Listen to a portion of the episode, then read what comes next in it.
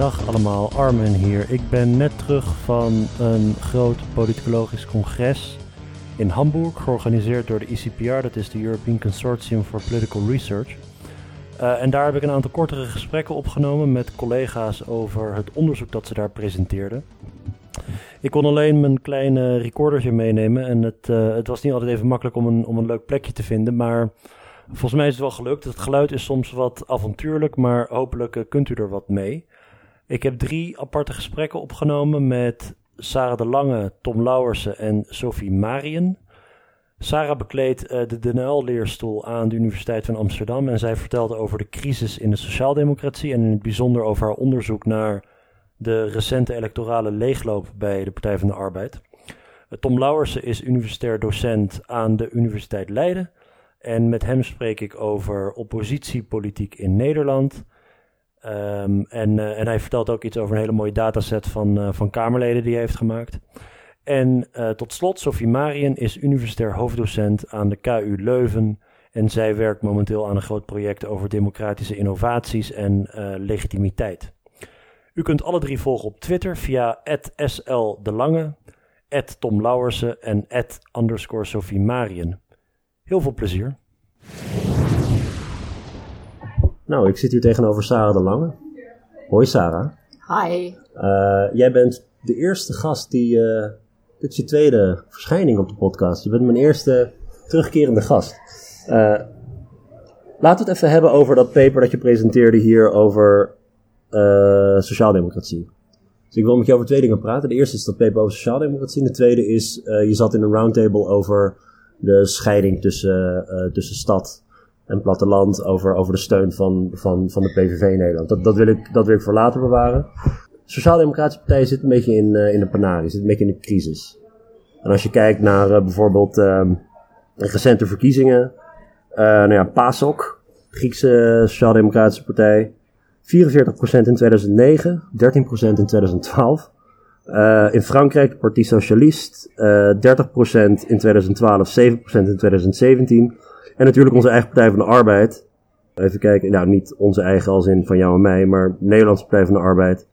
25% in 2012, 6% in uh, 2017.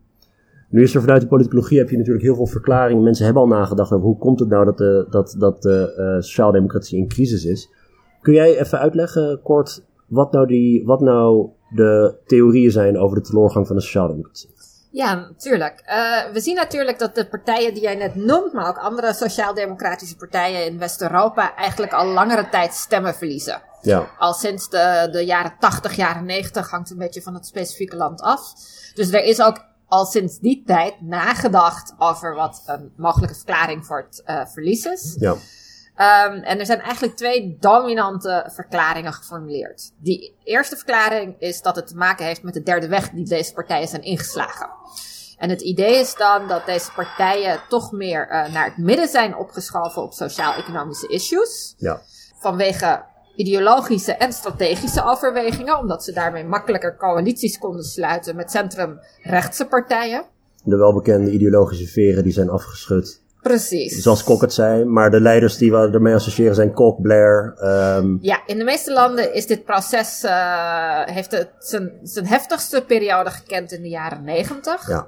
Uh, alhoewel er ook wel onderzoek is dat het laat zien dat het een uh, ontwikkeling is die ook al eerder ingezet ja. is in de meeste landen.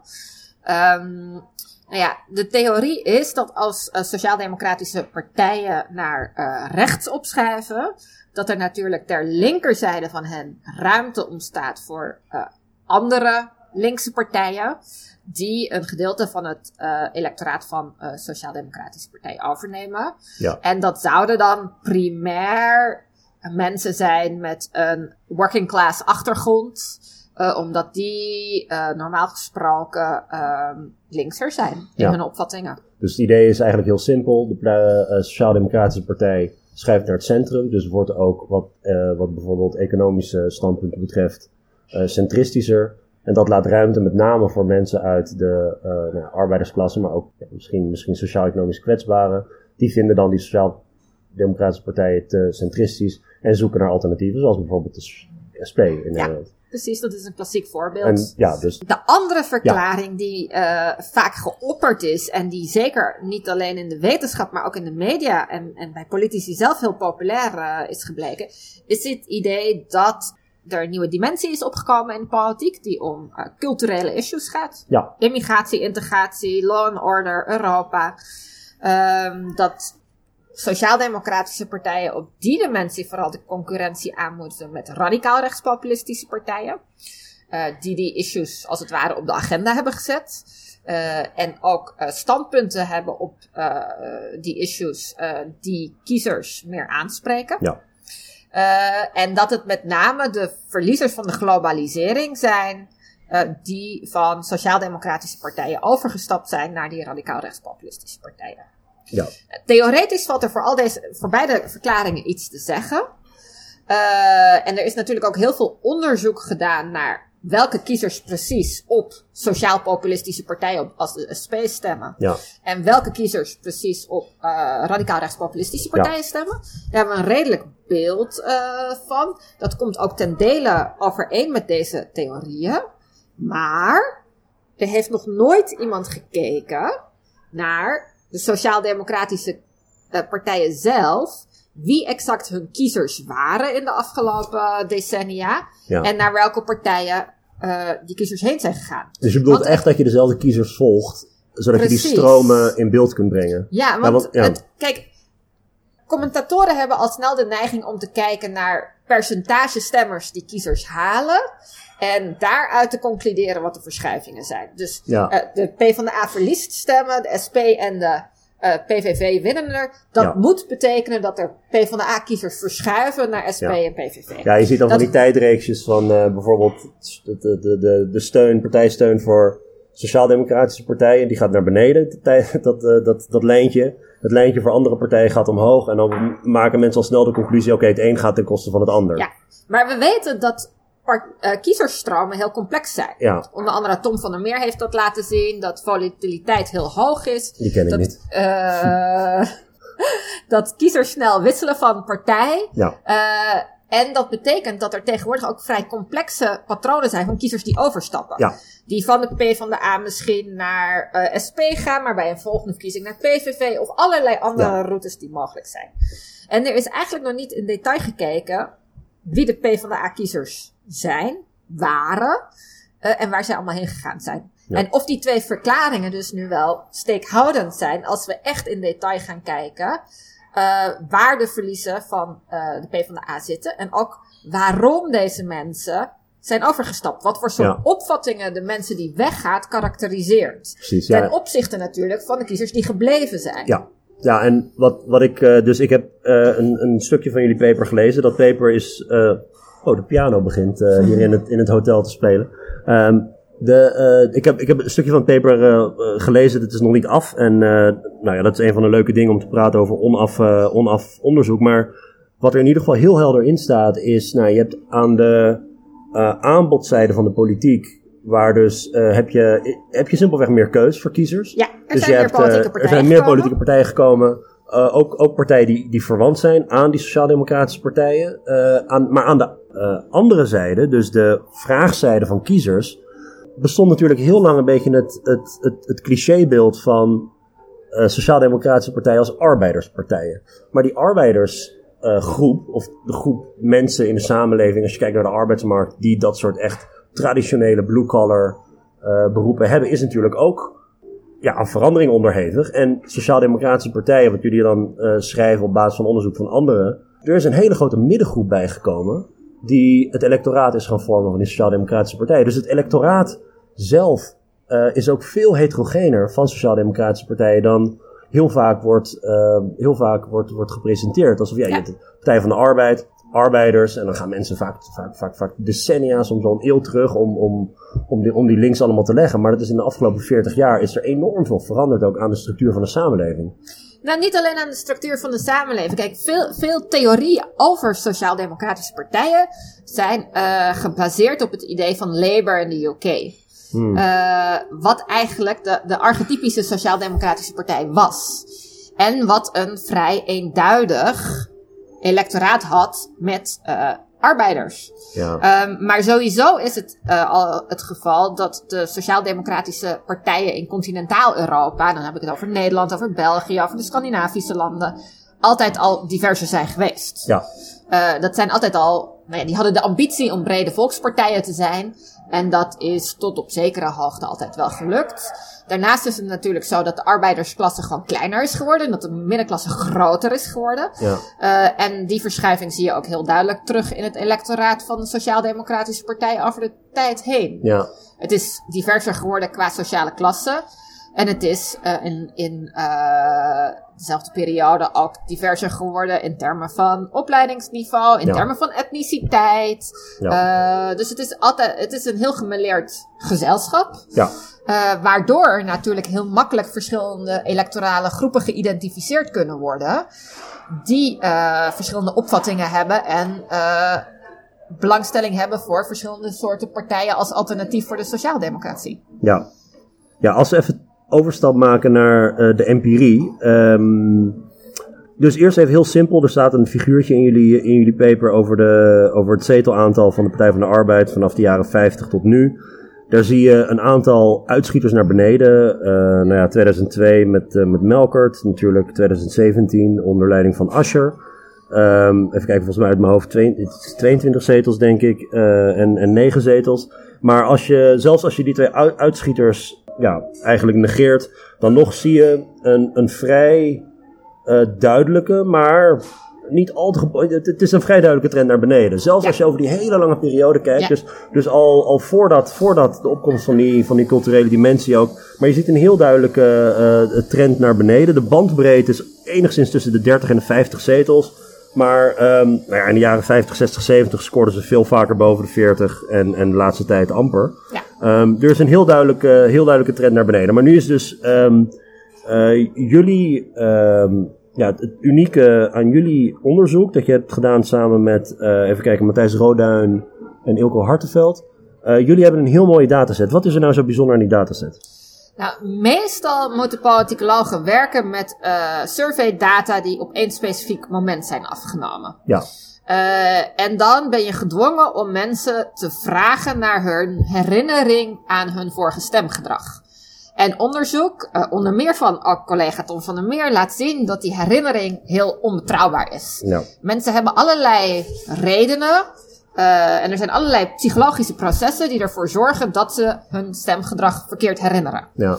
Uh, dus dat is heel nadelig voor politicologisch onderzoek. Nu hebben wij voor dit project uh, hebben wij data, waar, dat heet panel data, data die door de tijd heen verzameld zijn, waarbij bij steeds dezelfde mensen zijn onderzocht. Waarin dezelfde groep mensen uh, in 2012, bij de vorige uh, Kamerverkiezingen en in 2017 bij de recente Kamerverkiezingen om een stemgedrag zijn gevraagd. Dus op dat moment zelf. Ja. Dus die data zijn veel accurater. En bovendien hebben we bijna 6000 respondenten. Ja. Van wie we die gegevens hebben. De vergelijking, een normale survey bestaat meestal dus uit de 1000 tot 1500 respondenten. Ja. Nou, dat aantal is voor ons heel belangrijk, want maar, natuurlijk maar een gedeelte van de respondenten heeft in 2012 op de PvdA gestemd. Ja. Als we dat met een normale survey van uh, 1500 zouden bekijken, dan hadden we een paar honderd PvdA-stemmers. Ja. Dat is niet genoeg om vervolgens te kunnen gaan kijken hoe die zich verspreid hebben over andere partijen en waarom. Als we er bijna 6000 hebben, kunnen we dat wel. Ja, precies. Want wij hebben daar in die 6000 hebben we een kleine duizend respondenten die in 2012 op de PvdA gestemd hebben. Ja, precies. En um, ja, de resultaten zijn echt geweldig. Ik, ik zal even een aantal, een aantal resultaten, of voor mij de meest in het oog springende resultaten, uh, even oplezen hier. Dit, dit zijn gewoon de kiezerstromen. Hè? Dus uh, wie heeft er in 2012 op Partij van de Arbeid gestemd en waar zijn die groepen dan heen gegaan in 2017 bij de Tweede Kamerverkiezingen van die twee? 25% van de kiezers die in 2012 Partij van de Arbeid hebben gestemd, die zijn gebleven. Slechts een kwart dus is gebleven. Bijna 20% van de kiezers die in 2012 Partij van de Arbeid hebben gestemd, zijn naar GroenLinks overgestapt. 15% van de kiezers is overgestapt naar een, laten we zeggen, partij ter linkerzijde van de Partij van de Arbeid. Dus dat zijn de Partij voor de Dieren en SP. 13% is overgestapt naar D66. En 17% is overgestapt naar meer rechtse partijen. En dat is een groep waaronder dus waar de uh, eh, VVD in zit, de PVV, CDA en ChristenUnie. Met andere woorden, minder dan 20% van de kiezers die op de Partij van de Arbeid hebben gestemd in 2012 zijn overgestapt naar een rechtse partij. En van die groep is waarschijnlijk nog, een, nog, een, nog veel minder die al echt overgestapt zijn naar de PVV. Ja, dat is een heel klein percentage. Dat is een heel klein percentage. En het is buitengewoon vreemd dat dan die groep zo disproportioneel veel aandacht krijgt in de media. Dat is het dominante discours. Is de Partij van de Arbeid heeft verloren omdat kiezers zijn overgestapt op partijen die um, rechtser zijn in culturele zin. Terwijl 20% is overgestapt naar GroenLinks, 15% is overgestapt naar SP Partij voor de Dieren, 13% is overgestapt naar, uh, naar D66. Het merendeel van de kiezers die de Partij van de Arbeid heeft verloren in 2012, hebben ze verloren aan linkse partijen of, liber, uh, of, of, of, of, progressieve partijen. En de, de grootste groep is gegaan, dus dan nemen we GroenLinks en D66 samen. Veruit de grootste groep is gegaan naar partijen die op die nieuwe culturele issues zoals immigratie en integratie een meer cosmopolitisch progressief standpunt hebben. Ja. In tegenstelling tot juist de PVV of de VVD die een meer uh, nationalistisch uh, standpunt op dat soort issues hebben. Ja, ja, en um, even kijken. De, de, dus dit, dit zijn heel grofweg gewoon even de stromen. Maar jullie hebben natuurlijk ook onderzoek gedaan naar uh, wie, wat, wat, zijn nou de kenmerken van mensen die blijven ja. bij de Partij van de Arbeid? Wat zijn nou de kenmerken van, uh, van, van kiezers die de Partij van de Arbeid hebben verlaten? Dus uh, even voor de goede orde, tussen 2012 en 2017. Dus dit is de meest recente, ja. laten we zeggen, de meest, het meest recente verlies. Het, het, het het grootste verlies ooit. Dus het is wel goed om hier naar te kijken. Maar het, is, het gaat niet over kiezers in de jaren negentig. Uh, maar um, de, wie zijn de blijvers en wie zijn de verlaters? Nou, eigenlijk eh, eh, de meest in het oog springende uh, verklarende factor voor het vertrek. Ja. Qua achtergrondkenmerken van mensen, dus wat voor soort mensen ja. zijn het, is leeftijd. Ja. Uh, Jonge mensen zijn weggegaan. Uh, ja. Ja. Uh, en en masse. Dus ja. het, het, electoraat van de PvdA dat is overgebleven is sterk vergrijsd. Ja. Bijna net zo grijs als het electoraat van 50 plus. Ja, het, en in de, komt ja. in de buurt van het electoraat van het CDA, dat ook vrij vergrijsd is. In dat NKO-rapport van 2017 zat ook een hoofdstukje van Roderick Rekker over leeftijd en stemkeuze. En uh, ik kan me nog herinneren dat, dat hij zo'n plaatje had van gemiddelde uh, leeftijd van kiezers. En dat de Partij van de Arbeid echt helemaal aan het vergrijsde ja. uiteinde stond. Uh, een gemiddelde leeftijd uh, veel, veel ouder dan de concurrerende partijen. Ja. Met name D66 en, en GroenLinks. Ja, en dat is voor het toekomstperspectief van een partij natuurlijk heel problematisch. Ja, dat kun je wel zeggen. Maar die, die oudere kiezers, zijn die misschien gebleven omdat dat, zijn dat de honkvaste kiezers die eigenlijk altijd al Partij van de Arbeid hebben gestemd en het misschien nog steeds niet doen uit een soort van dat, partijidentificatie of gewoonte? Dat zou een verklaring kunnen zijn dat het uh, partijidentificatie is. Het kan natuurlijk ook samenhangen met hun opvattingen over bepaalde uh, sociaal-economische issues. Ja. Dat zij gewoon de kiezers ja. zijn die het dichtst bij de standpunten van de partijen op dit moment ja. staan. En wat ook zou kunnen, is dat uh, deze specifieke groep kiezers gewoon meer belang hecht aan sociaal-economische issues ten opzichte van al die jonge kiezers die ja. mogelijk meer belang hechten aan die nieuwe culturele issues. Ja. En dan zijn die jonge kiezers op die nieuwe culturele issues juist mogelijk heel verdeeld. Ja. Waarbij de hoger opgeleide jongeren zich aangetrokken voelen tot partijen als GroenLinks en D66. En de lager opgeleide jongeren zich juist opgetrokken, aangetrokken voelen tot de PvdA. SP. SP en. PVV. Uh, want we weten sowieso dat uh, jongere kiezers zijn gewoon door de bank genomen mobieler. Ja. Wisselen sneller van politieke partij. En voelen ze zich dus ook sneller aangetrokken tot een nieuw alternatief. Ja. ja, en je ziet dat natuurlijk heel duidelijk terug in de grote steden. Waar de Partij van de Arbeid is gedecimeerd. En waar GroenLinks en D66 uh, heel, sterk, heel sterk zijn ja. geworden. Um, Wat we ook zien, naast deze, dit uh, opvallende kenmerk in termen van achtergrond uh, van de kiezers, is natuurlijk de opvattingen van de kiezers. Ja. Want die zijn uiteindelijk de reden waarom mensen uh, weggaan. Er is eigenlijk geen eenduidig profiel van de kiezers die weggaan. Ja. En dat komt omdat ze naar zulke verschillende partijen gaan. Ja.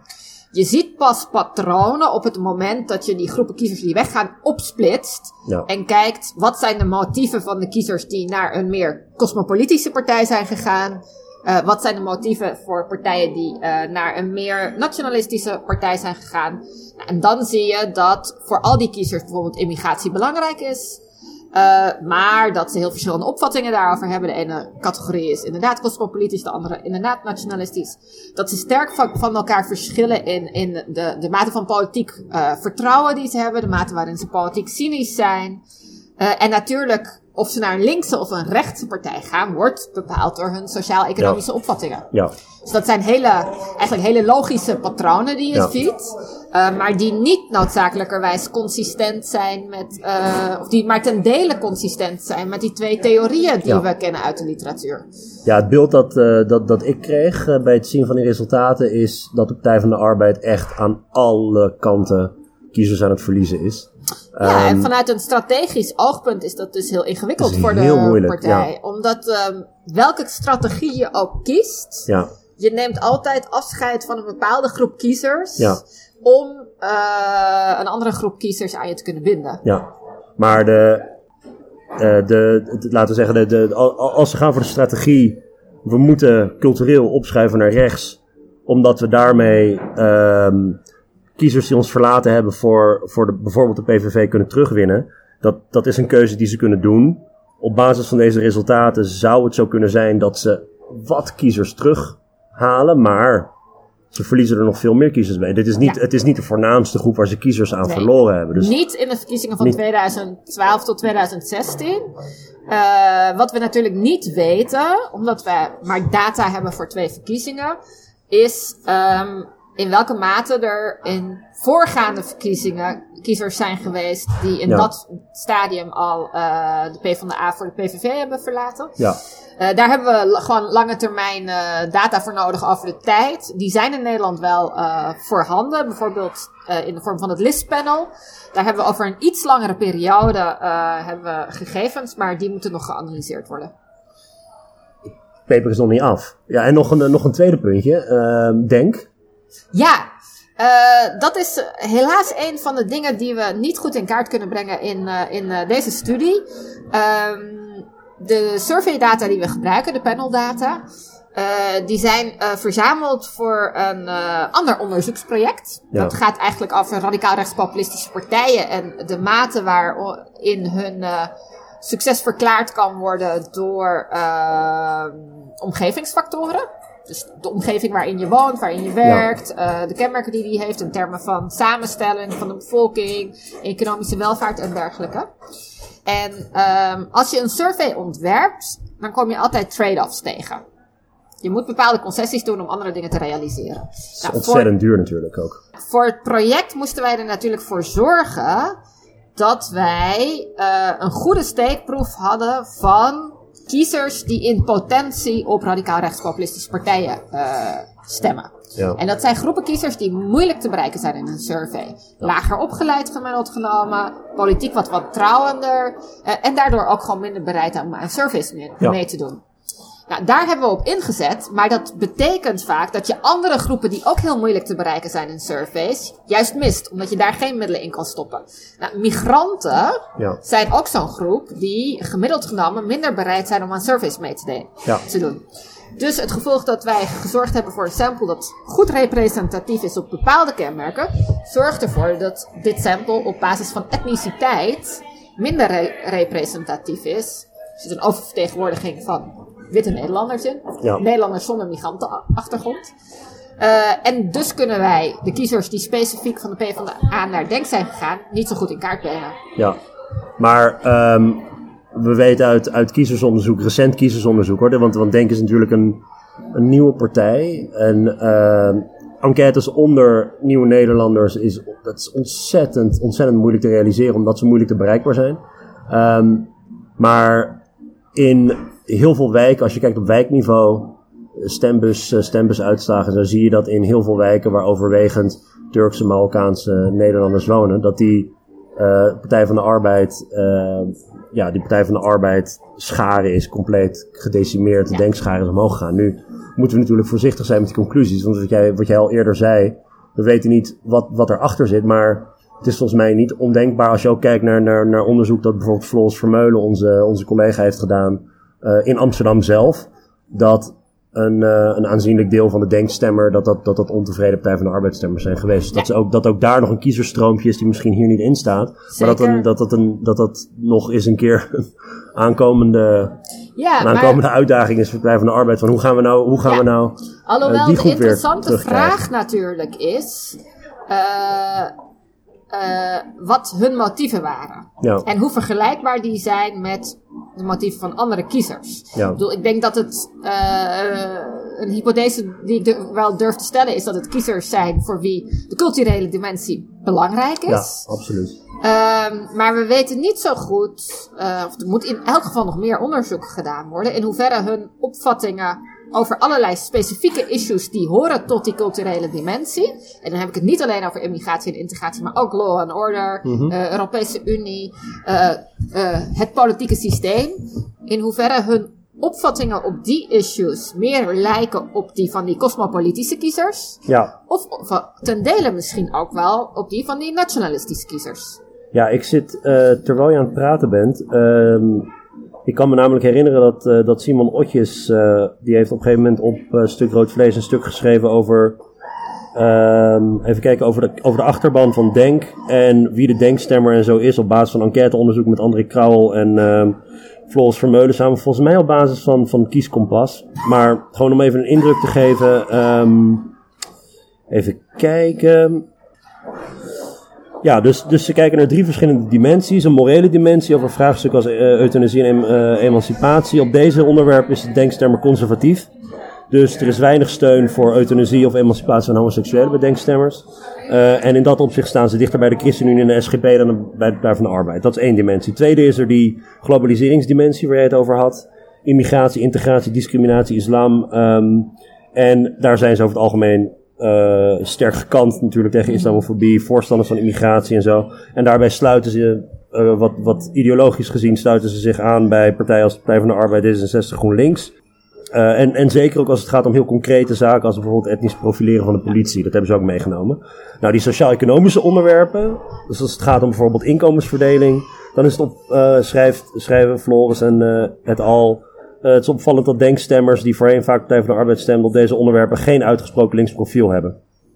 Dus um, het, lijkt erop dat, dat het kiezers zijn die sociaal-economisch um, nou ja, centristisch misschien zijn, op culturele standpunten uh, aan, de kant van, uh, aan de kant van de meer progressieve partijen staan. Maar als het gaat om, om, om religieuze, morele onderwerpen, meer aan de kant van de uh, kleinchristelijke partijen. Nou ja, en dan, dan zijn er ook andere issues die tot die culturele dimensie vaak worden gerekend. Uh, law and order. Ja. Uh, denken over veiligheid, politie en dergelijke, die daar ook een belangrijk component van zijn. Daar hebben we eigenlijk geen idee hoe ze daar precies over denken. Of dat is in ieder geval nog niet onderzocht en gepubliceerd. Niet, ja. Hetzelfde geldt voor hoe je aankijkt tegen politiek en democratie. Uh, daar hebben we ook nog niet, uh, geen gegevens. Het zou bijvoorbeeld best kunnen uh, dat deze kiezers met kiezers van PVV en SP een, een zeker politiek cynisme delen. Ja. Um, er zit toch ook een anti-establishment element in de manier waarop ja, ja, denken ja, zich presenteert. Dus dat moeten we allemaal nog verder onderzoeken. Wantrouwend jegens media. Ja, dus uh, daar, daar zitten nog wel uh, een aantal interessante vragen. Maar zoals gezegd, daar, daar hebben we andere data voor nodig. Die ja. ervoor zorgen dat we een goede representatieve steekproef hebben van deze kiezers. Hey, en wanneer ga je het publiceren, dit, dit paper? Want dit scheelt natuurlijk om, om gedeeld te worden. Ja, maar dit is een paper dat nog lang niet af is. Ik vermoed dat wij aan dit specifieke paper, ondanks dat we al heel interessante bevindingen hebben, nog zeker wel een jaar misschien bezig zijn. Uh, omdat het voor onze conclusies heel belangrijk is dat we uh, over een lange periode over de tijd gaan kijken. Ja, dus jullie gaan dat, dat listpanel Dus wij gaan dat listpanel ja. uh, gaan wij analyseren. dat vereist vervolgens ook weer complexere statistische modellen dan we hier gepresenteerd hebben. Ja. en dat is nog niet 1, 2, 3 klaar, denk ik.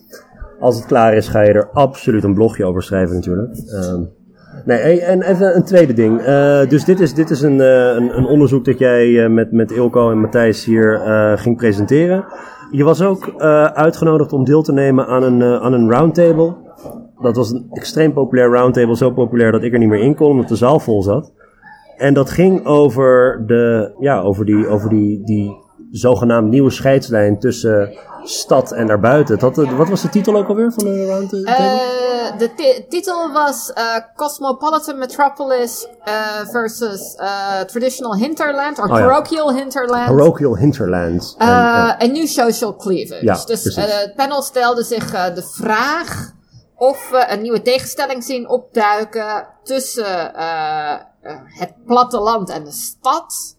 En dan specifieker echt de cosmopolitische grote stad, de hoofdstad. Uh, als het gaat om opvattingen over immigratie, integratie, Europese integratie. Uh, en ook stemgedrag, omdat we zien dat uh, groene partijen, sociaal-liberale partijen zoals D66 uh, het veel groter doen in de grote steden. En ja. uh, radicaal rechtspopulistische partijen het beter doen op het platteland. Ja, je ziet het ook heel duidelijk bij die referendumuitslagen. Ja, Brexit-referendum. maar ook denk aan de, het patroon voor de presidentsverkiezingen in Oostenrijk. Waar natuurlijk heel interessant ja. een groene kandidaat tegenover een radicaal rechtspopulistische kandidaat stond in de laatste ronde. En dan zie je echt, dan kan je kaartjes maken met de uitslag. Waarin je dat verschil heel mooi ziet. Ja, dus we zien overal natuurlijk die, die verkiezingskaartjes, die zijn ook uh, vrij snel gemaakt. Dus je ziet eigenlijk al op de avond van de, van de verkiezingen, uh, zie, je, zie, je die, uh, zie je die kaartjes terug. Ook in de Verenigde Staten. We zijn natuurlijk gewend om die kaartjes op statenniveau te zien. Rode staten, blauwe staten. Maar als je het nou op, op laten we zeggen, gemeenteniveau zou doen, dan zie je dat in een rode staat als Texas er allemaal blauwe enclaves zijn. En dat zijn de grote steden. Dus je ziet zelfs, en, ook, en ook in blauwe staten als Californië daar heb je hele grote rode gebieden. Um, dus het, is, het, is op, het is op, uh, op, op, ja, bij heel veel verschillende verkiezingen zien we dat terugkeren. De grote steden die stemmen anders. De, uh, de rurale gebieden die stemmen, uh, stemmen anders. En, en, en jouw bijdrage in, dit, in deze roundtable is ook weer gebaseerd op een onderzoeksproject.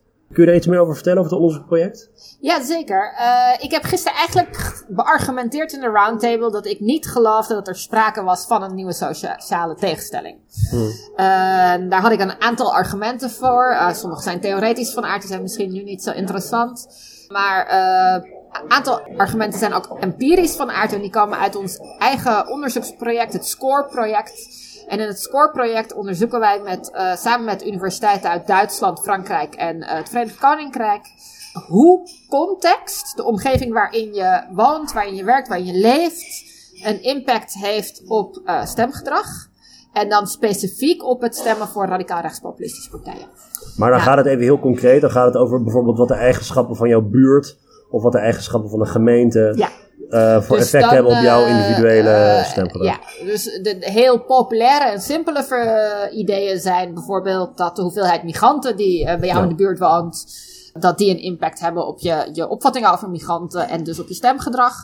Uh, nou ja, dat is heel simpel. Wij proberen naar complexere effecten te kijken. Want uh, je omgeving kan op allerlei manieren uh, je, je percepties van, van de wereld en, en je, je ideeën over de wereld beïnvloeden. Ja.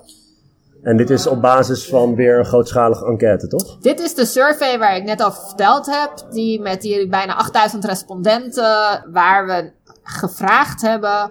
Niet alleen naar opvattingen, niet alleen naar stemgedrag en andere politieke gedragingen, maar waar we ook geïnformeerd hebben naar uh, waar iemand precies woont. Ja. Binnen de grenzen die daar uh, gezet zijn aan privacyoverwegingen, want die bestaan natuurlijk ook.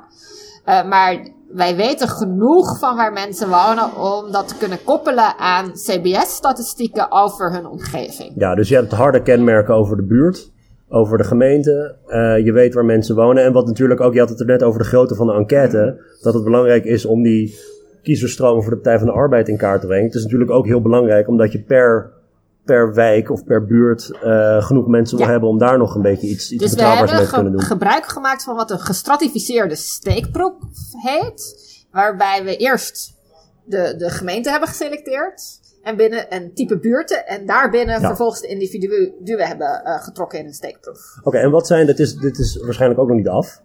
Uh, het nee, dit is een stuk verder. Dit is een stuk verder. Dit hebben we al een aantal keren op congressen gepresenteerd. En ook dus uh, herzien, nieuwe analyses gemaakt en dergelijke. Er is als je, en, en uh, dus, dus de, de voornaamste uitkomst waar jullie geïnteresseerd zijn, is stemkans om op de PVV te stemmen. Dus dit, dit, gaat, dit, dit, dit, dit gaat weer over een andere partij. Maar, uh, en je ziet in jullie data, zie je waarschijnlijk een heel duidelijke regionale spreiding, toch? Ja, we, nou, eh, kijk, het interessante is dat er in het panel gisteren stond tegenstelling tussen stad en platteland uh, centraal. Ja.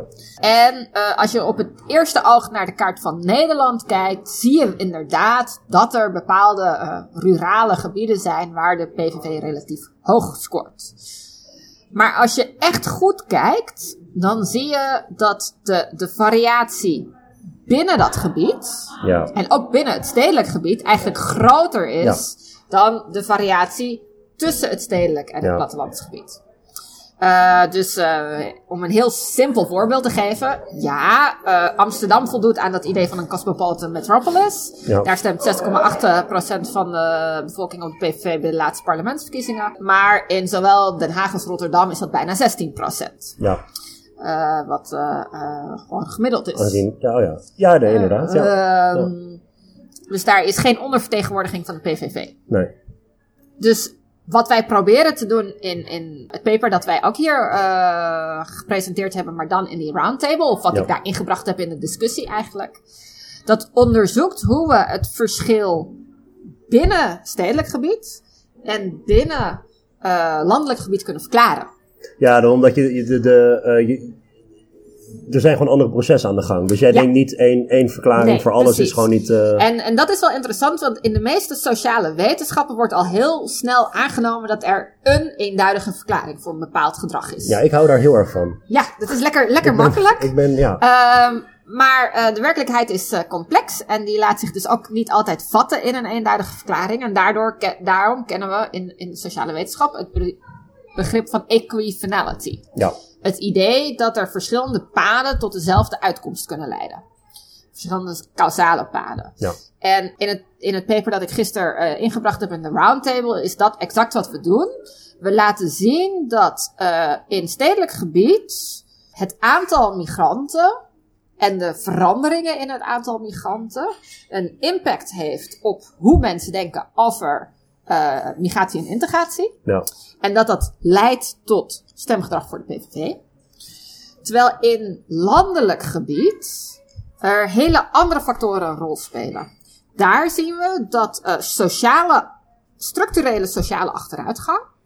Bijvoorbeeld in de zin van het feit dat uh, er sprake is van krimp in een regio. Dat uh, met name jonge mensen uit een regio wegtrekken. Dat er ook in die regio sprake is van het sluiten van zowel publieke als private uh, diensten. Denk aan scholen die gesloten worden. Denk aan bankfilialen die dichtgaan. Hmm. Het is echt verschraling van, van de kwaliteit van leven daarmee ook in die gebieden. Een mooi voorbeeld is natuurlijk Noord- als Groningen.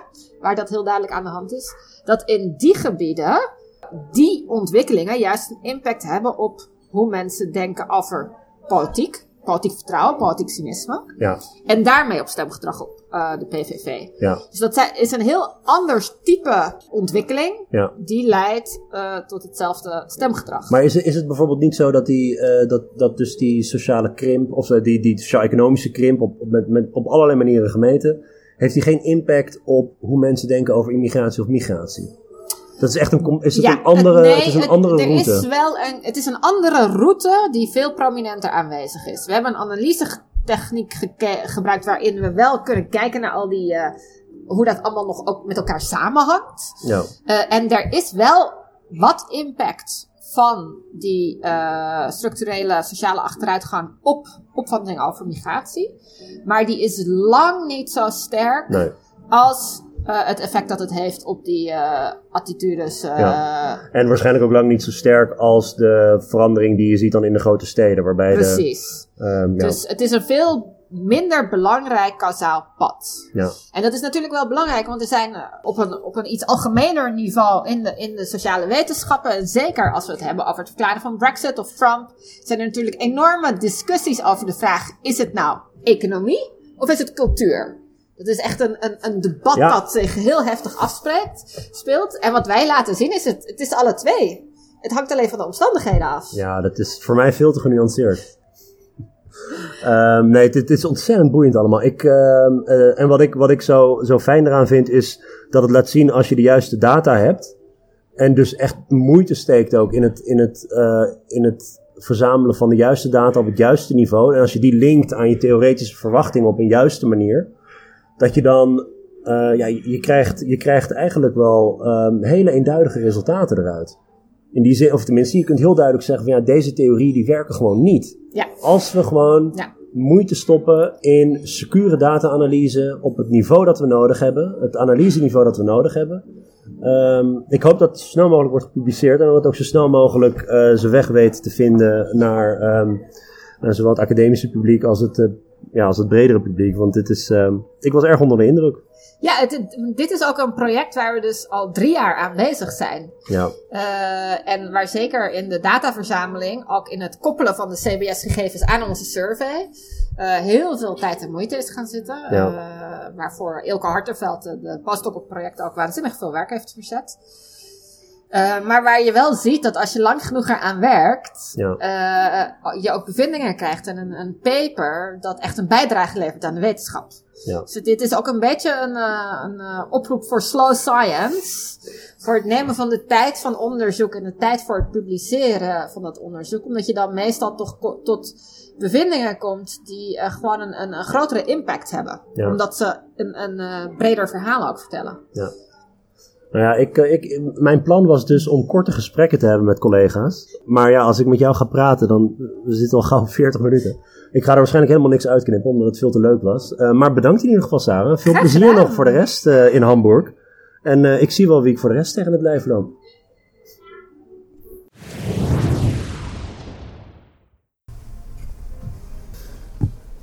Goed, nou, ik zit hier met Tom Lauwersen, mijn mede-oprichter van Stuk Rood Vlees schande dat ik Tom niet eerder heb gevraagd om een podcast mee op te nemen. Maar ik denk dat volgend jaar, als er uh, weer verkiezingen zijn, dat we dan eens even een goede lange podcast over peilingen moeten doen, uh, Tom. Nou, leuk. Uh, ja, maar wel, welkom in ieder geval. Hey, we zitten hier in Hamburg um, en um, mensen presenteren allerlei onderzoek.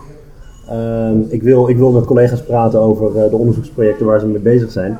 Jij bent nu bezig met een aantal collega's in Leiden met een, met een groot project over uh, oppositie, uh, oppositie-regering relaties. Hè? Kun je er iets meer over vertellen? Dat, uh, de, de, grote lijnen van het project eerst? Nou ja, dit, dit is een wat langere onderzoekslijn die ik met name samen doe met Simon Otjes van de Universiteit Groningen. Waarbij we kijken naar de relatie tussen regering en oppositiepartijen in het parlement. Ja. En, en, een vraag die we hebben, ook voor, voor Nederland, maar ook voor andere landen, is waarom, uh, waarom oppositiepartijen nou samenwerken met de regering. Hè? Waarom zou je dat doen? Ja. Vanuit, een, uh, vanuit een heel oppositioneel of adversarial model zou je kunnen zeggen. Nee, de oppositie die heeft niks met de regering te maken. Die moet, die moet oppositie voeren. Die moet eigenlijk overal waar de regering voor is ja. kritisch over zijn. Uh, en alles wat de regering wil, dat zoekt ze zelf maar uit. Ja. Uh, en bij de volgende verkiezing, uh, dan is de oppositie een, een, duidelijk alternatief. Maar dat is niet hoe oppositiepartijen zich gedragen in heel veel landen. Nou ja, je hebt, je hebt natuurlijk wel dat je, ik denk in, in de literatuur, de oppositie, waarschijnlijk is het allemaal literatuur die het, het, het Westminster stelsel in gedachten heeft. De oppositie is eigenlijk het alternatief voor de regering. Dus de, gedachte in zo'n model zou kunnen, of in, in, in zo'n systeem zou kunnen zijn, ja, de oppositie moet zich zoveel mogelijk afzetten van de regering, omdat als er verkiezingen zijn, dat het alternatief is. En op het moment dat, dat het eigenlijk heel, heel gek is dat oppositiepartijen ja, misschien onderling om een blok te vormen tegen de regering, maar dat ze met de regering gaan samenwerken, dat het toch echt not done is. Maar we hebben natuurlijk ook gewoon uh, ja, niet-Westminster landen en daar is die situatie heel anders. Daar is de situatie uh, heel anders. Maar ook in, bijvoorbeeld in Nederland hebben we meestal situaties waarin de regeringspartijen gewoon een meerderheid, uh, Hmm. een meerderheid hebben. Um, en dan probeert toch de oppositie vaak wat dingetjes gedaan te krijgen. Nou, dat kun je zeggen, dat kan vanuit een inhoudelijk uh, argument zijn. Van, uh, we proberen toch de scherpe kantjes er wat vanaf te halen, Ja. uh, toch wat samen te werken. maar je ziet ook als het gaat om stemgedrag over wetsvoorstellen, dat oppositie en, oppositiepartijen in 80, 90 procent van de gevallen die wetten gewoon steunen van de regering. En dan is vaak toch het argument: ja, nee, maar het is misschien niet helemaal wat we willen, maar het is wel een verbetering ten opzichte van de huidige situatie. En dat is ook in zekere zin wel uh, te begrijpen, maar er zit natuurlijk ook een risico aan. Namelijk dat de oppositie onvoldoende te onderscheiden is van de regeringspartijen. Ja.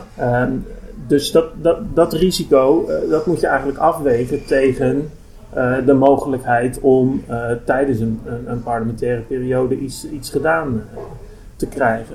Maar nog los van de normatieve vraag wat er zou moeten, zijn, zijn we ook geïnteresseerd in, in, in wat doen ze nou en, en wat motiveert, motiveert die partijen nou. Ja. in hoeverre worden ze gedreven door rationele argumenten, bijvoorbeeld proberen zoveel mogelijk stemmen te halen bij de volgende verkiezingen door populaire dingen na te streven mm. of onpopulaire dingen uh, uh, zoveel mogelijk tegen af te zetten. Zoals uh, de, de, dividendbelasting. Ja. Dat is duidelijk dat dat geen populaire maatregel is. Nee. Dus de oppositiepartijen proberen die zoveel mogelijk ja. daarover te praten. Dat is natuurlijk echt een, dat is een, dat is een geschenk uit de hemel voor een oppositie, voor eigenlijk voltallige oppositie bijna. Ja, en, en, het is ook nog extra uh, mooi voor die oppositie dat dat een maatregel is die dan in geen enkel verkiezingsprogramma heeft, ja. uh, heeft gestaan en dan als uh, zo'n beetje uit de lucht komt vallen. En het, het, wordt ook alsmaar negatiever ja. wat daarover wordt, wordt gezegd. Dus dat, dat is wel iets waar, waar, waar je een soort rationeel argument van met het oog op ja. Uh, het winnen van uh, uh, stemmen, maar misschien ook met het oog op gewoon je beleidsvoorkeuren. Want veel linkse oppositiepartijen die zijn ook gewoon voor het behoud van die belasting. Ja. Dus dat is, komt ook gewoon overeen met wat ze vinden. Ehm, dus dat zijn allemaal redenen om, om je op die manier te gedragen. ze kunnen ook gemotiveerd zijn door de wens om de volgende keer wel in de regering te ja. zitten. En dat zou natuurlijk een reden kunnen zijn vanuit een rationeel perspectief, om zo, soms ook een beetje jezelf constructief op te stellen. Ja. Uh, laten zien van wij willen, uh, wij willen meeregeren en wij zijn ook een betrouwbare partner. Ja. Als je met redelijke voorstellen komt, dan valt er met ons goed te praten. Ja. Uh, maar je zou ook kunnen zeggen, misschien los van die rationele argumenten, zijn er ook normen in, in, de, in de politiek waaraan je moet voldoen. En in de Nederlandse politiek wordt wel uh, gesproken over uh, normen van consensuele politiek. polderen. Polderen. meepraten, zoeken naar brede meerderheden, naar draagvlak. Dat is altijd heel lastig te vertalen in het Engels. Wat, wat is dat nou? Dat is een typisch Nederlands construct.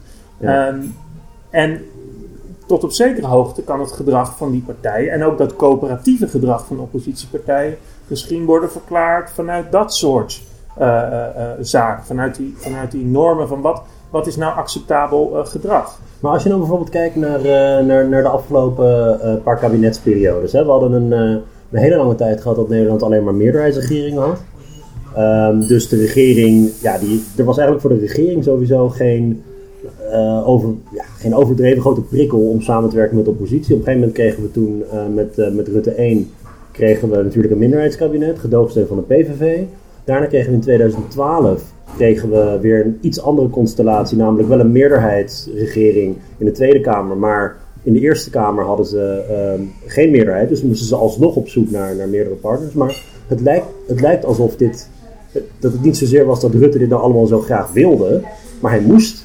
Hij had gewoon geen. Het is niet dat ze op zoek gaan naar een breed draagvlak met overtollige, overtollige partners, maar de getalsmatige situatie is nou dusdanig dat hij wel moest. Uh, dat hij wel moest compromissen sluiten met, uh, met die oppositiepartijen bijvoorbeeld. Nou ja, wij zijn, wij zijn nog bezig met, met ons onderzoek, maar dat is ook de indruk die ik op dit moment uh, krijg. Hè? Dus dat die getalsmatige verhoudingen uh, heel erg belangrijk zijn. Als je al de meerderheid hebt als regering, hè, dan kun je nog misschien iets uit beleefdheid uh, aan een oppositiepartij vragen van goh, hoe kijken jullie hier tegenaan? Ja. En als ze iets hebben wat je kosteloos uh, kunt verwerken in Ja. het voorstel, dan kan daar misschien iets. Maar je gaat niet echt met ze onderhandelen. Nee. Uh, want waarom zou je? Want dan moet je afwijken van je coalitieakkoord waarschijnlijk. Um, en die oppositiepartij die heeft er waarschijnlijk ook niet ontzettend veel bij te winnen. Want echte concessies kun je dan ook niet afdwingen, want je bent niet nodig. Ja, bijvoorbeeld dat lente, ik, ik moet nog even diep in mijn geheugen graven, maar dat lenteakkoord, hè? Uh, het Kunduz-akkoord, zoals het ook soms werd genoemd, uh, de, de, het begrotingspakket uh, dat destijds vlak na de val van Rutte, Rutte 1 volgens mij heel snel in elkaar moest worden geflanst. de Partij van de Arbeid die viel daar buiten. De Partij van de Arbeid was op een gegeven moment was het ook zo, je, Samson die, die was allemaal die was heel treurig altijd in, in, zijn interviews hiermee als van, van ik mag niet meedoen of zo. Maar ze hadden hem gewoon ook echt niet nodig um, getalsmatig. Als het ze echt ging om bijvoorbeeld heel breed draagvlak creëren, ja, dan zou je eigenlijk natuurlijk de Partij van de Arbeid erbij moeten betrekken. Maar het was gewoon even niet nodig. De Partij van de Arbeid die, die werd toen gewoon genegeerd. Samson die stond een beetje als een, uh, ja, een beetje buitengesloten, een beetje mokkend uh, erbij en keek ernaar. Maar het was niet zo alsof nou politiek destijds werd gedreven door een wens om heel breed draagvlak te creëren. zoals bijvoorbeeld in ons gesprek met Rudy Anderweg had, ik het, had hij het bijvoorbeeld over die overtollige overtollige coalities die zo'n toonbeeld waren van Leibhards uh, pacificatiemodel. Dat in, in Nederland, het, is toch allemaal gewoon getalsmatig, moet je gewoon net de meerderheid hebben nu. En ja, hoeveel compromissen we moeten sluiten om dat te bereiken, dat doen we. Maar meer hoeft ook niet echt. Nee, dat, dat zie je natuurlijk ook al in de, in de regeringsformatie zelf. Hè. De laatste keer dat we echt zo'n overtollig kabinet hadden, uh, is, uh, is Paars 2 geweest. En, en dat is eigenlijk ook alleen maar omdat in Paars 1 D66 er ook al bij zat. Ja, het is gek dat je eigenlijk het, Paars 2, dat, dat, dat, je denkt helemaal niet erbij na dat D66 compleet, dat getalsmatig eigenlijk overbodig was. Ja, dat, en, dat, dat, Partij van de Arbeid en uh, eh, VVD die hadden toen gewoon een meerderheid. Ja, dat is gewoon een, gewoon een meerderheid. En, en toen heeft D66 wel meegedaan. En dat was ook wel een van de argumenten van ja, ze horen er toch bij en ze overbruggen het verschil. Maar daar, daar ging die logica dus niet helemaal op. Maar over het algemeen zie je dat die logica wel heel erg, uh, wel heel erg sterk uh, is. En, en dat geldt niet alleen vanuit de regering, maar ook vanuit de oppositiepartijen. Want het is natuurlijk best gevaarlijk om ergens in een, uh, een, een, situatie mee te gaan doen als je niet nodig bent. Ja. Even terug naar um, een paar maanden geleden toen Rudy Anderweg zijn afscheidsreden hield. Jij was een van de sprekers op dat symposium. En uh, je had toen een, een heel, mooi, heel mooi verhaal over de rol van oppositie voeren in, in de Nederlandse politiek. En je hebt toen ook op een gegeven moment heb je een, een artikel gepubliceerd. Ik meen samen met Simon samen, maar, maar correct me if I'm wrong.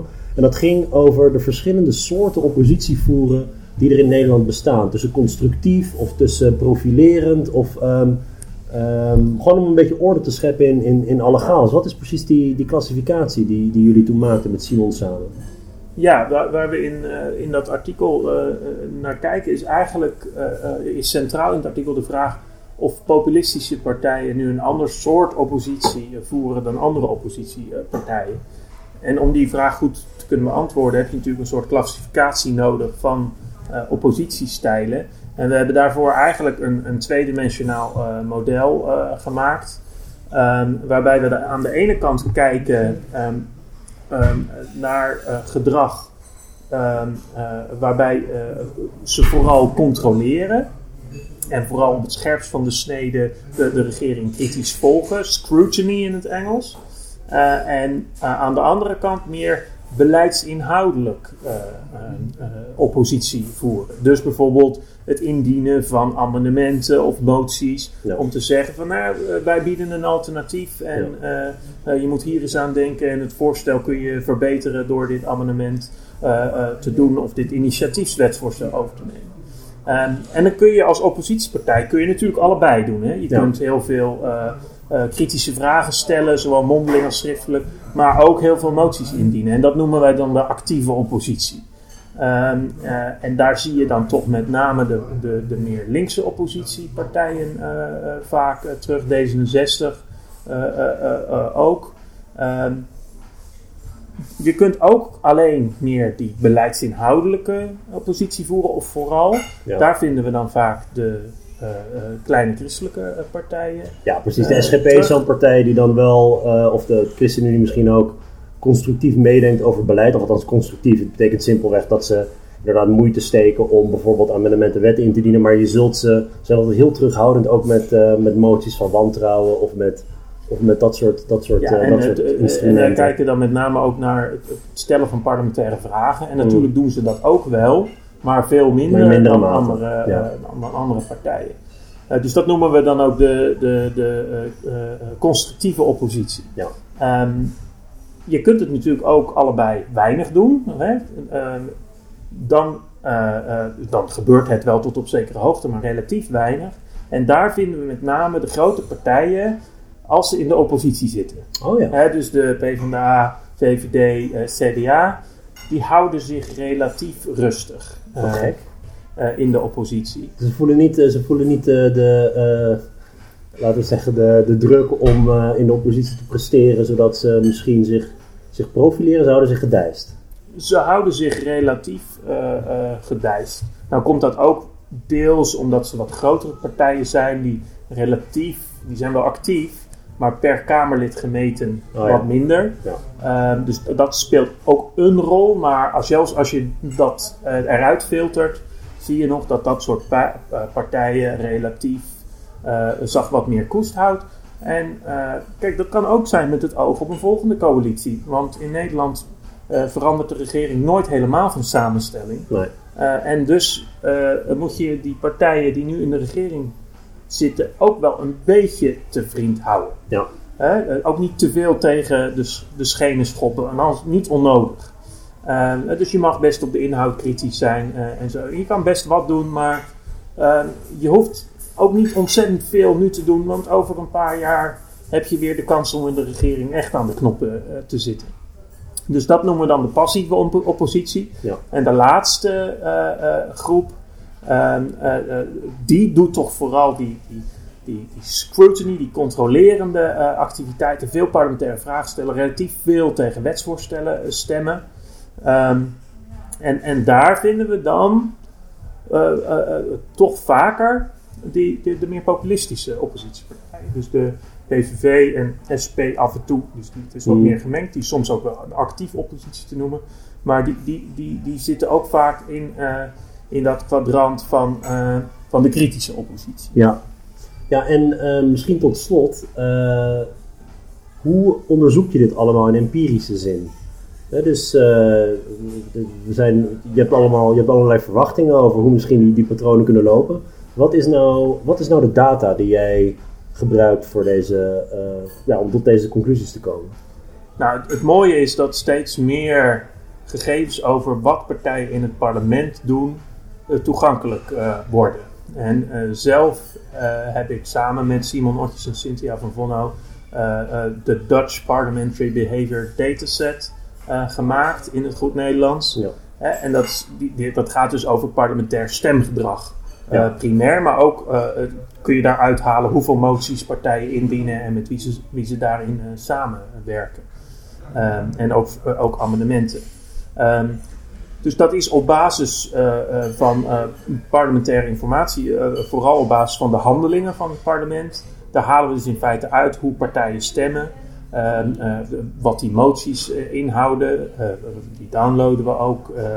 daar zit ook een klassificatie aan vast. Waar gaat het nou over qua onderwerp? Met wie werken ze samen? Ja. Dus dat, dat soort gegevens over parlementair, par parlementair gedrag zijn steeds beter te analyseren. En dan zie je dus ook wat partijen daadwerkelijk uh, doen in het, uh, in het, parlement. Maar eventjes, um, uh, is het nou zo, ik, ik kan dit even niet voor de geest halen, maar um, veel van die stemmingen in het, in het Nederlands parlement, in de Tweede Kamer ook, zijn toch niet, zijn toch hoofdelijk, of niet? Het is niet of, of kun je in je dataset echt zien van Kamerlid X heeft dit gestemd, dit gestemd, dit gestemd, dit gestemd, dit gestemd? Of kun je alleen zien van de Partij van de Arbeidsfractie heeft dit gestemd en de CDA-fractie heeft dit gestemd?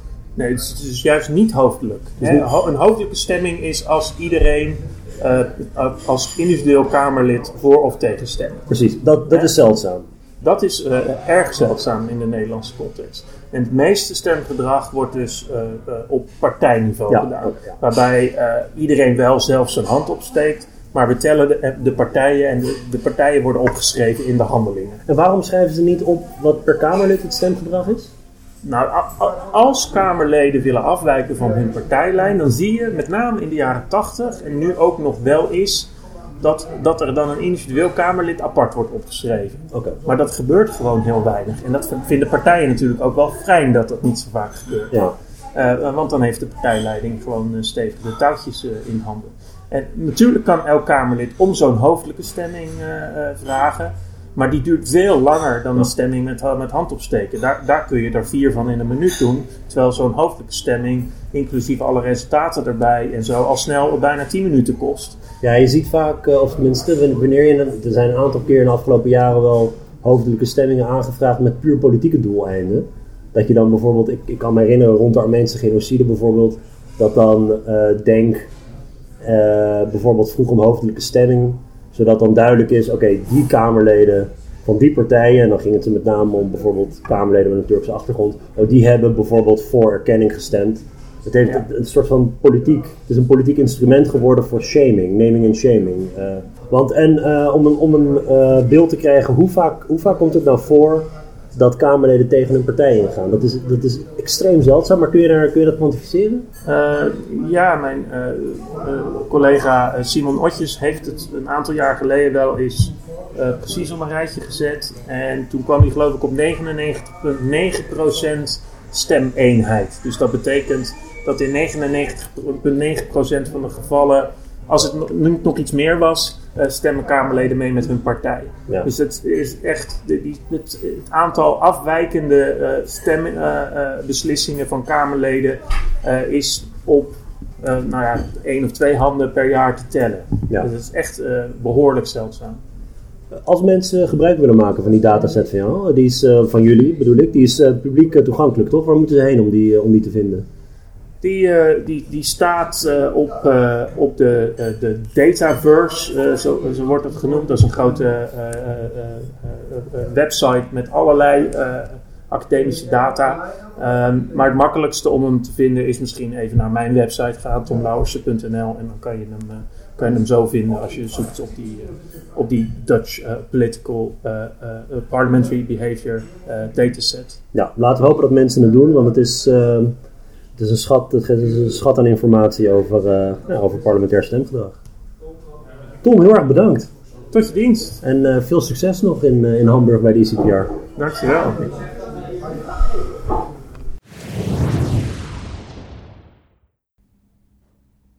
Goed, tegenover mij zit de drukste persoon van de hele ICPR. Sophie Marien, mijn, uh, mijn oud-collega aan de Universiteit van Amsterdam. Sophie zit nu in, uh, in Leuven. We hebben samen statistiekonderwijs gegeven voor een paar jaar. En dat schept een, uh, dat schept een band. Absoluut. Het is alsof we samen het strand in Normandië hebben bestormd. Um, Sophie, jij, jij bent bezig met een, een onderzoeksproject over democratische innovatie. Kun je er iets over vertellen? Ja, ik ben inderdaad in mei gestart met een vijfjarig project. En wat we daar willen doen is uh, twee grote vragen beantwoorden. Um, namelijk, um, of we starten daar vanuit het idee dat er heel veel bezorgdheid is over democratische legitimiteit. Mensen hebben weinig vertrouwen in politiek. Er zijn veel mensen die afhaken, um, die niet tevreden zijn met hoe dat uh, politiek vandaag werkt. En wat heel vaak wordt gezegd is, als we mensen meer gaan betrekken bij politiek, dat is eigenlijk een manier om mensen meer tevreden te maken, om de legitimiteit hmm. te verhogen. En daar hebben we dan twee grote vragen die we aan het project willen beantwoorden. Ten eerste, willen mensen dat wel? Willen zij wel meer gaan deelnemen aan politiek? Um, bijvoorbeeld referenda, is dat iets waar dat er steun uh, voor is? Rond alle thema's, of enkel maar rond bepaalde thema's en bepaalde thema's niet. Um, deliberatieve processen bijvoorbeeld zijn ook heel populair, waar dat je mensen samenbrengt um, voor een weekend bijvoorbeeld, of voor een dag, om over een thema te discussiëren. Uh, waar je ook experten bijvoorbeeld uitnodigt, is daar steun uh, voor zoiets als een burgerforum, zo'n deliberatief proces. Um, dus dat is de eerste vraag. Hè. Willen mensen dat? Is daar steun voor? En dan de tweede vraag is, als we dat doen, wat zijn de effecten daarvan? En gaat dat dan inderdaad zorgen dat de legitimiteit van ons politiek systeem verhoogt?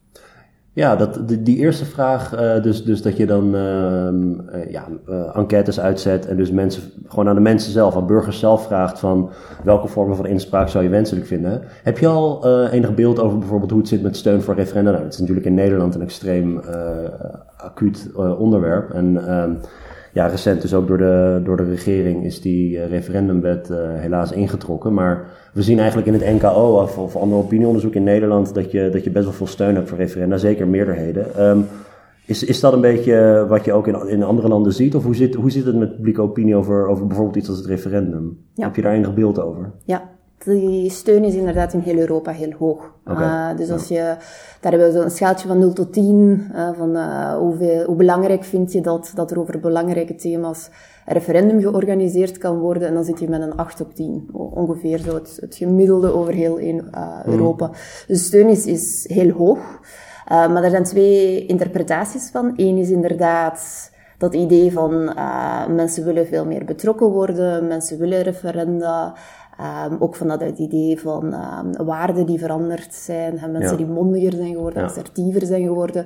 Dus dat is één interpretatie. Um, maar een andere interpretatie van diezelfde bevinding, van diezelfde 8 op 10, is eigenlijk, ja, mensen zijn heel ontevreden met hoe het vandaag werkt. Um, zij vertrouwen hun vertegenwoordigers helemaal niet meer. Ja. En daardoor willen ze zelf ingrijpen. Maar eigenlijk, in hun ideale wereld, zouden zij gewoon zich niet met politiek willen bezighouden. Ja, ja dus uh, je ziet, dit is een groep burgers die referenda eigenlijk zien als een manier om, om conventionele partijpolitieke paden uh, te kunnen vermijden. Of tenminste omdat ze. En, en mensen die wantrouwen hebben in, laten we zeggen, het, in, established, uh, in het establishment of zo die willen heel graag dan een referendum, zodat ze direct aan de, uh, ja, zelf aan de knoppen kunnen zitten. Dus een referendum is eigenlijk een uiting van, van wantrouwen. Ja, ja. Voor sommigen zou het iets emanciperends kunnen zijn, omdat ze echt veel inspraak willen. Voor anderen is het een uiting van wantrouwen. Ja, en als we dan terug naar die vraag gaan van, kan zo'n referendum dan bijvoorbeeld zorgen dat er meer vertrouwen gaat zijn? Ja.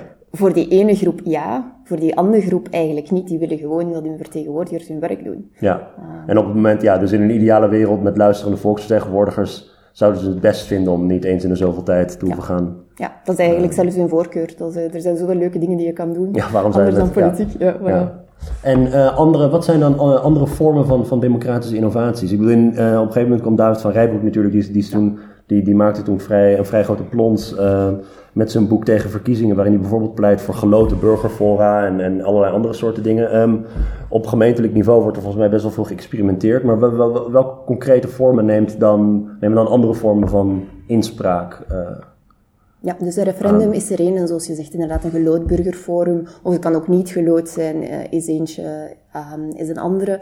Daar in de literatuur rond democratische innovatie um, gebeurt daar heel veel rond. Hè. Dat heet dan deliberatieve democratie, dat is een heel actieve literatuur. Binnen ja. democratische theorie is dat zo de, de actiefste uh, literatuur op dit moment. En inderdaad, in de praktijk wordt daar heel veel mee, mee geëxperimenteerd, vooral op lokaal niveau. Uh, maar niet enkel op lokaal niveau. Bijvoorbeeld binnen twee weken Um, komt er in Antwerpen een gelood burgerforum over ethische vragen rond genoomtechnologie. Oh ja. Um, en dat, dat is dan ja, op, op nationaal niveau. Wie heeft dat ehm, georganiseerd? De Koning Boudewijn Stichting. Dus dat is eigenlijk een, uh, een NGO, maar wel op vraag van de minister rond volksgezondheid. Um, waar dat het idee was van die technologie die gaat vooruit, vooruit. We kunnen meer en meer, maar er duiken wel wat ethische vragen op waar dat we eigenlijk onze burgers over willen consulteren. We zouden met een survey bijvoorbeeld kunnen doen, maar dat is een vrij complexe thematiek. Dus een betere manier is dan zo een burgerforum. Uh, waar dat je mensen gaat samenbrengen, waar dat je experten uitnodigt, waar dat mm. mensen vragen aan kunnen stellen, die ook onderling in discussie kunnen gaan. Want uiteraard, is een complexe technische thematiek, maar die ethische vragen, uh, dat is niet technisch. Hè. Dat heeft met waarde te maken, waar dat iedereen zijn mening over heeft. Um, en waar dat je in discussie kan gaan om dan ergens... Uh, en wat voor soort vragen zouden bijvoorbeeld geschikt zijn voor een referendum? En wat voor soort vragen zou je zeggen van, nou hier moeten we een burgerforum over organiseren? Dus bijvoorbeeld iets dat heel genuanceerd of technisch is. Je hoort vaak van uh, critici van referenda van, ja, je moet het niet te complex maken. Maar er zijn ja, de, wereld om ons heen is nou eenmaal complex. Um, kun je wel met dat soort complexe zaken als, uh, als die genoomtechnologie of die, die gentechnologie, uh, is dat een geschikt onderwerp voor een burgerforum? Zijn er ongeschikte? Het, ja, ik denk het wel en waarom dat het geschikt is, omdat er twee belangrijke criteria zijn. Um, het is complex. Maar het heeft ook met waarde te maken. Als we bijvoorbeeld uh, een brug bouwen die heel complex is, ja, daar moet je geen burgerforum over doen, daar moet je experten en ingenieurs samenbrengen. Oh ja, ja. Uh, maar vanaf dat je die combinatie hebt van er is geen consensus over de waarde en het is complex, dan is een burgerforum eigenlijk ideaal. Maar dan moet je wel tijd nemen. Hè? Dus Um, er wordt heel veel geëxperimenteerd. Het ene burgerforum is al beter dan het andere, dus je hebt tijd nodig. Je hebt uh, goede experten nodig. Het belangrijkste is dat daar um, alle perspectieven aan bod komen. En daar dient die loting eigenlijk voor. Hè. Dus dat je zorgt Um, dat, het niet, dat het een doorsnede van de bevolking is. Hè? Dat het niet een heel selectief groepje is dat daar al heel veel over weet en dat belangrijk vindt, maar dat je echt een doorsnede van de bevolking hebt. Um, niet zozeer om helemaal representatief voor iedereen te zijn, maar eigenlijk vanuit het idee ieder perspectief dat relevant is, moet gehoord worden, moet overwogen worden. En daarom gaan we met loodsen werken. Ja, want uh, een klassieke kritiek zou zijn: participatie aan burgerfora is onderhevig aan dezelfde soort, dezelfde soort ja, uh, ongelijkheden als participatie bij stemmen, participatie bij demonstreren, participatie bij ja, of, of mediagebruik. Er, er, zit gewoon een, uh, er zit gewoon een, ongelijke, een ongelijkheid ingebakken in participatie. Mm bijvoorbeeld op opleiding, met, met opleiding, met, met, met sociaal-economische klassen, misschien ook met, met, met leeftijd of, of, of gender en zo. Uh, zie jij in die, in die literatuur over, over dus deliberatieve democratie, maken mensen zich daar zorgen om? Of hoe, hoe, hoe, hoe scheef zijn die, zijn die burgerfora sowieso? En, en ja, hoe, hoe kun je ervoor zorgen dat, dat al die perspectieven wel ja. ja, erbij, erbij zitten? Een heel belangrijk, een, een eerste reflectie daarbij is, vertegenwoordigde democratie is ook ongelijk. Hè? Dus we hmm. moeten niet verwachten dat het ene helemaal perfect gaat zijn, of als het het niet is, dan gaan ze zeggen, ja, dan doen we dat maar niet. Want uiteindelijk, we zien ook bij vertegenwoordigende democratie, ja dat, dat parlementsleden of, of de regering niet naar iedere groep uh, op dezelfde manier gaat luisteren. Hè. Dus daar heb je ook ongelijkheden. Maar inderdaad, in participatie zijn er, zijn er uh, grote ongelijkheden. Die burgerforums zien we ook, dat uh, de hoger opgeleide vaker opdagen. Bijvoorbeeld vrouwen nemen ook wat minder het woord. Dat zijn ook allemaal patronen die we daar terugzien. Maar wat ook wel heel interessant is, is dat die burgerforums ook echt soms wel emanciperend gebruikt worden. Um, in die zin dat, uh, en dat is dan meer in de Latijns-Amerikaanse context, dat dat ook voor kwetsbare groepen gebruikt wordt om die net een stem te geven. Dus voor een stuk zijn die processen ook net uh, emanciperend gebruikt. Hè? Dus, dus je, kan, je, je, moet daar niet blind voor zijn en je moet heel duidelijk gaan kijken van, zijn er bepaalde perspectieven die missen, die uitgesloten, die uitgesloten zijn, maar het is mhm. niet... Um, sowieso een probleem uh, met ongelijkheid. En ook als we meer op een aggregaatniveau kijken, het is ook niks westers. Hè. Je ziet ook, hmm. um, bijvoorbeeld, er was een, een, een mini-public dat hier gepresenteerd werd uh, op deze conferentie in Mongolië. Hmm. Um, in India is er een hele sterke cultuur met deliberatie. Uh, waar je uh, mooie foto's hebt van mensen die allemaal op de grond zitten uh, en samen aan het, aan het discussiëren zijn over hoe ze bepaalde problemen in de wijk gaan aanpak, aanpakken. Dus het kan potentieel heel elitair zijn, maar er zijn genoeg praktijkvoorbeelden dat het niet noodzakelijk zo is. Er is gewoon een, de, de, de, de organisatoren van zoiets hebben gewoon de plicht om, om, om die ja, om, om daar alert voor te zijn. Om daar alert ja. voor te zijn, ja. ja. En te zorgen dat ieder perspectief dat mogelijk relevant is, dat dat aan bod kan komen. En even terug naar jou, jouw eigen onderzoek. Wat heb je hier, uh, wat heb je hier gepresenteerd? Um, dat gaat eigenlijk mooi, uh, mooi verder op wat, waar dat we daarnet uh, over spraken. Het, um, het start vanuit die kritiek van heel veel van die burgerforums, zeker als er geen loting is, zijn een beetje de usual suspects. Dus het mm. is mogelijk uh, heel ongelijk. En ook, het is een kleine groep. Ja. Dus je kan niet met duizenden aan tafel, aan tafel gaan zitten. De meeste, bijvoorbeeld wat ik zei van die genoomtechnologie, dat gaan 30 mensen zijn. Ja. 30 mensen die gelood zijn. Oh, um, Ja, dus wij starten vanuit dat idee. Um, dat is allemaal heel klein. En langs de andere kant een argument dat gemaakt wordt, is we moeten meer van die dingen doen om te zorgen um, dat uh, de legitimiteit versterkt wordt in, in, in, onze politiek. En dan is een beetje de vraag, ja, als je zo een klein groepje hebt, hoe kan je dan gaan zorgen dat de legitimiteit van het hele politiek systeem uh, versterkt ja. wordt? En vooral in Amerika heb je heel veel kritiek daarop. Daar is heel veel mee geëxperimenteerd geweest. En de moed in Amerika is op dit moment een beetje, we hebben dat geprobeerd, het werkt niet. Het is te ongelijk, het is te klein. We hebben daar heel veel geld in gestoken, heel veel energie. Um, en eigenlijk, we zien heel positieve effecten op de mensen die meedoen. Ze ja. vinden het vaak leuk. Um, ze veranderen ook van mening, ze nemen nieuwe perspectieven uh, mee. Hun opinie wordt veel meer geïnformeerd, maar al bij al is dat allemaal op een heel kleine schaal. En als we echt de problemen van vandaag willen aanpakken, misschien moeten we dan toch niet naar participatie kijken. Dus dat is de thematiek vanuit, of het probleem van waaruit dat wij starten. Um, en in een onderzoek met Emma en Ayo, Sanna Werner, um, wat dat we daar dan gaan doen, is Het argument dat we maken is, laat ons eens gaan kijken naar mensen die niet betrokken zijn. En ons argument is, die gaan ook beïnvloed zijn. Um, dus als je aan de Nederlandse bevolking gaat zeggen, kijk, um, rond um, die beslissing, daar hebben wij een burgerforum samengebracht. Uh, je legt een beetje uit wat een burgerforum is. dan kan dat een positief effect hebben. Vanuit het idee, uh, misschien hebben mensen niet zelf meegedaan, maar dat geeft eigenlijk wel een signaal. Hé, hey, kijk, die overheid, uh, die wil een stem geven aan mensen. Die is bereid om te gaan luisteren. Um, neemt de burger serieus. dus als de, andere burgers serieus nemen, dan, uh, dan, dan voel ik mijzelf ook beter over mijn overheid. Ja, dus misschien ben ik, ik heb daar niet aan meegedaan, omdat ik misschien niet wil of ik heb geen tijd, maar um, andere mensen hebben daaraan meegedaan en de overheid staat daarvoor open.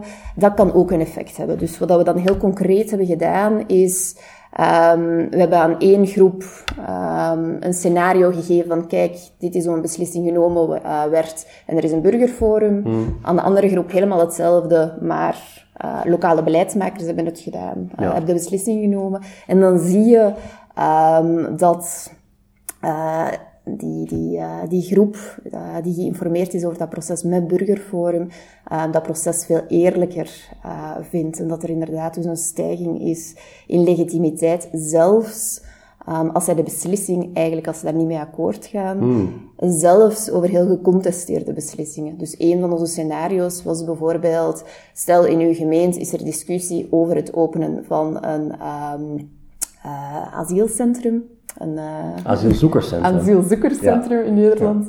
Uh, een asielzoekerscentrum en uh, sommige mensen zijn ervoor, sommigen zijn er tegen. Het ene groepje kreeg dan informatie van kijk, we hebben burgers in zo'n burgerforum samengebracht om daarover te discussiëren. Uh, en dus zelfs een heel gecontesteerd issue, misschien wou je dat helemaal niet, maar als er een burgerforum is geweest, dan vind je dat eigenlijk um, een eerlijker proces. En uit de literatuur weten we dan dat als je dat een eerlijker proces vindt, dat je ook die beslissing veel meer gaat aanvaarden, dat uh, vertrouwen in politiek gaat verhogen. Dus dat, en het is ongeacht de uitkomst van het proces. Dus ja. je, hebt, je, hebt, je hebt gewoon, uh, je hebt gewoon ook, ook at random veranderd van... Uh, stel je bent voor plaatsing van het AZC en het burgerforum heeft tegen de plaatsing gestemd, dan, dan nemen mensen dat aan. En het spiegelbeeld ook. Jij was, jij was tegen het AZC, het burgerforum heeft voorgestemd. De mensen, mensen accepteren eigenlijk de, de beslissing als legitiemer wanneer een, uh, het, het, het, via de medemens tot stand is gekomen. Ja, of via de medeburger. Ja. Um, is dat trouwens, uh, dat, dat, dat lijkt me alleen te werken in landen waar mensen een beetje onderling vertrouwen hebben. Zou, denk je dat het ook zo werkt in, uh, ja, noemen, ja, je zit ook helemaal in die Putnam-literatuur natuurlijk. Wat zijn een beetje landen waar sociaal vertrouwen laag is? Ik weet niet, Zuid-Italië of zo? Zuid-Italië. Denk je dat het daar ook zo werkt? Of de, geldt het voor verschillende groepen anders? Of? Dat is een heel interessante vraag, want Nederland is uiteindelijk nog altijd een, een, een, uh, een samenleving met heel veel uh, sociaal vertrouwen. Ja. We, hebben we hebben wel gezien dat het niet anders werkt voor mensen met hoog of laag sociaal vertrouwen. Maar okay. Nou. Dat is persoonlijk, maar inderdaad kan nog altijd zijn, ja, je zit nog altijd in die context um, waarin er veel sociaal vertrouwen is. Dat is exact een van de vragen die ik in dat Europees project wil gaan beantwoorden. Dus het leuke is, het is een grootschaliger project dat we comparatief kunnen werken. Dus we kunnen dit in verschillende landen doen. Um, en een van de verwachtingen is daar um, dat... Um, we hebben eigenlijk tegenstrijdige verwachtingen, want er is heel weinig vergelijkend onderzoek gedaan, dus we weten het eigenlijk niet goed. Maar we denken dat het wel een rol speelt. En de verwachtingen die we hebben is Um, als er uh, weinig um, vertrouwen is, maar eigenlijk meer, ja, we focussen meer op politiek. Als je in een context zit met heel weinig vertrouwen in, in politiek, ook al ben je dan betrokken, uh, dat je misschien denkt van, god, het is toch allemaal corrupt, dus, dus dit is allemaal niet, niet authentiek. Ja. Uh, of het kan net zijn dat je heel weinig vertrouwen hebt, dat, je dan net, uh, dat het net een groter effect gaat zijn. Dus dat is iets dat ik hoop over een paar jaar. Maar dat lijkt me ook precies de soort vragen dat, uh, waar, waar je als beleidsmaker iets aan hebt. Dat, dat je dus niet denkt van, nou ja, dit is een soort, dit is een soort wondermiddel voor alle, ja. voor alle situaties en voor alle mensen. Maar dat je ook, ja. ook, ook een beetje kunt zeggen van, ja, dit, is, dit zijn de omstandigheden waaronder je dit zou kunnen overwegen. En dit zijn de omstandigheden waaronder je dat niet zou... Ja ja. niet zou moeten doen misschien. Ja, wat ook wel heel interessant is, is uh, die vraag naar, naar sociaal kapitaal en generalized trust. dat ehm, daar geen verband is met steun voor referenda. Dat vond ik wel heel opvallend. Dus je zou denken, ja, bij een referendum moet je toch ook vertrouwen in je medemensen dat die, hmm. dat die het goed gaan doen. En eigenlijk zie je daar helemaal geen verband tussen. Dus het is niet als je weinig vertrouwen hebt in je medemens, dat je dan, um, als je veel vertrouwen hebt, dat je meer steun zou hebben voor het referendum. Of als je geen vertrouwen hebt, dat je dan uh, minder steun zou hmm. hebben. Uh, dat zien we niet, wat wel opvallend is. Dus het referendum is het, een puur politieke aangelegenheid. Het heeft wel te maken met politiek vertrouwen natuurlijk. Het heeft te maken met politiek vertrouwen en daar zien we heel duidelijk. Als je niet tevreden bent met politiek, ben je veel meer geneigd om uh, een referendum te steunen. Maar zoals je zegt, het is niet enkel de component met politiek, maar eigenlijk, je moet ook vertrouwen in je medeburgers Dat zou je wel verwachten. Ja, ja dat zou je verwachten. ja, dat is wel. Um, heel erg bedankt, Sophie. Ik denk, uh, je, je, hebt beloofd als je weer een keer in Amsterdam bent, dan gaan we een podcast opnemen over, uh, over politiek vertrouwen. Ja. Want dat is een beetje ons beider, uh, ons beider passie. En dan ehm, ja, dan hoort u meer van, meer van Sophie. Nou, nog veel plezier op, de, op de ICPR. Dankjewel.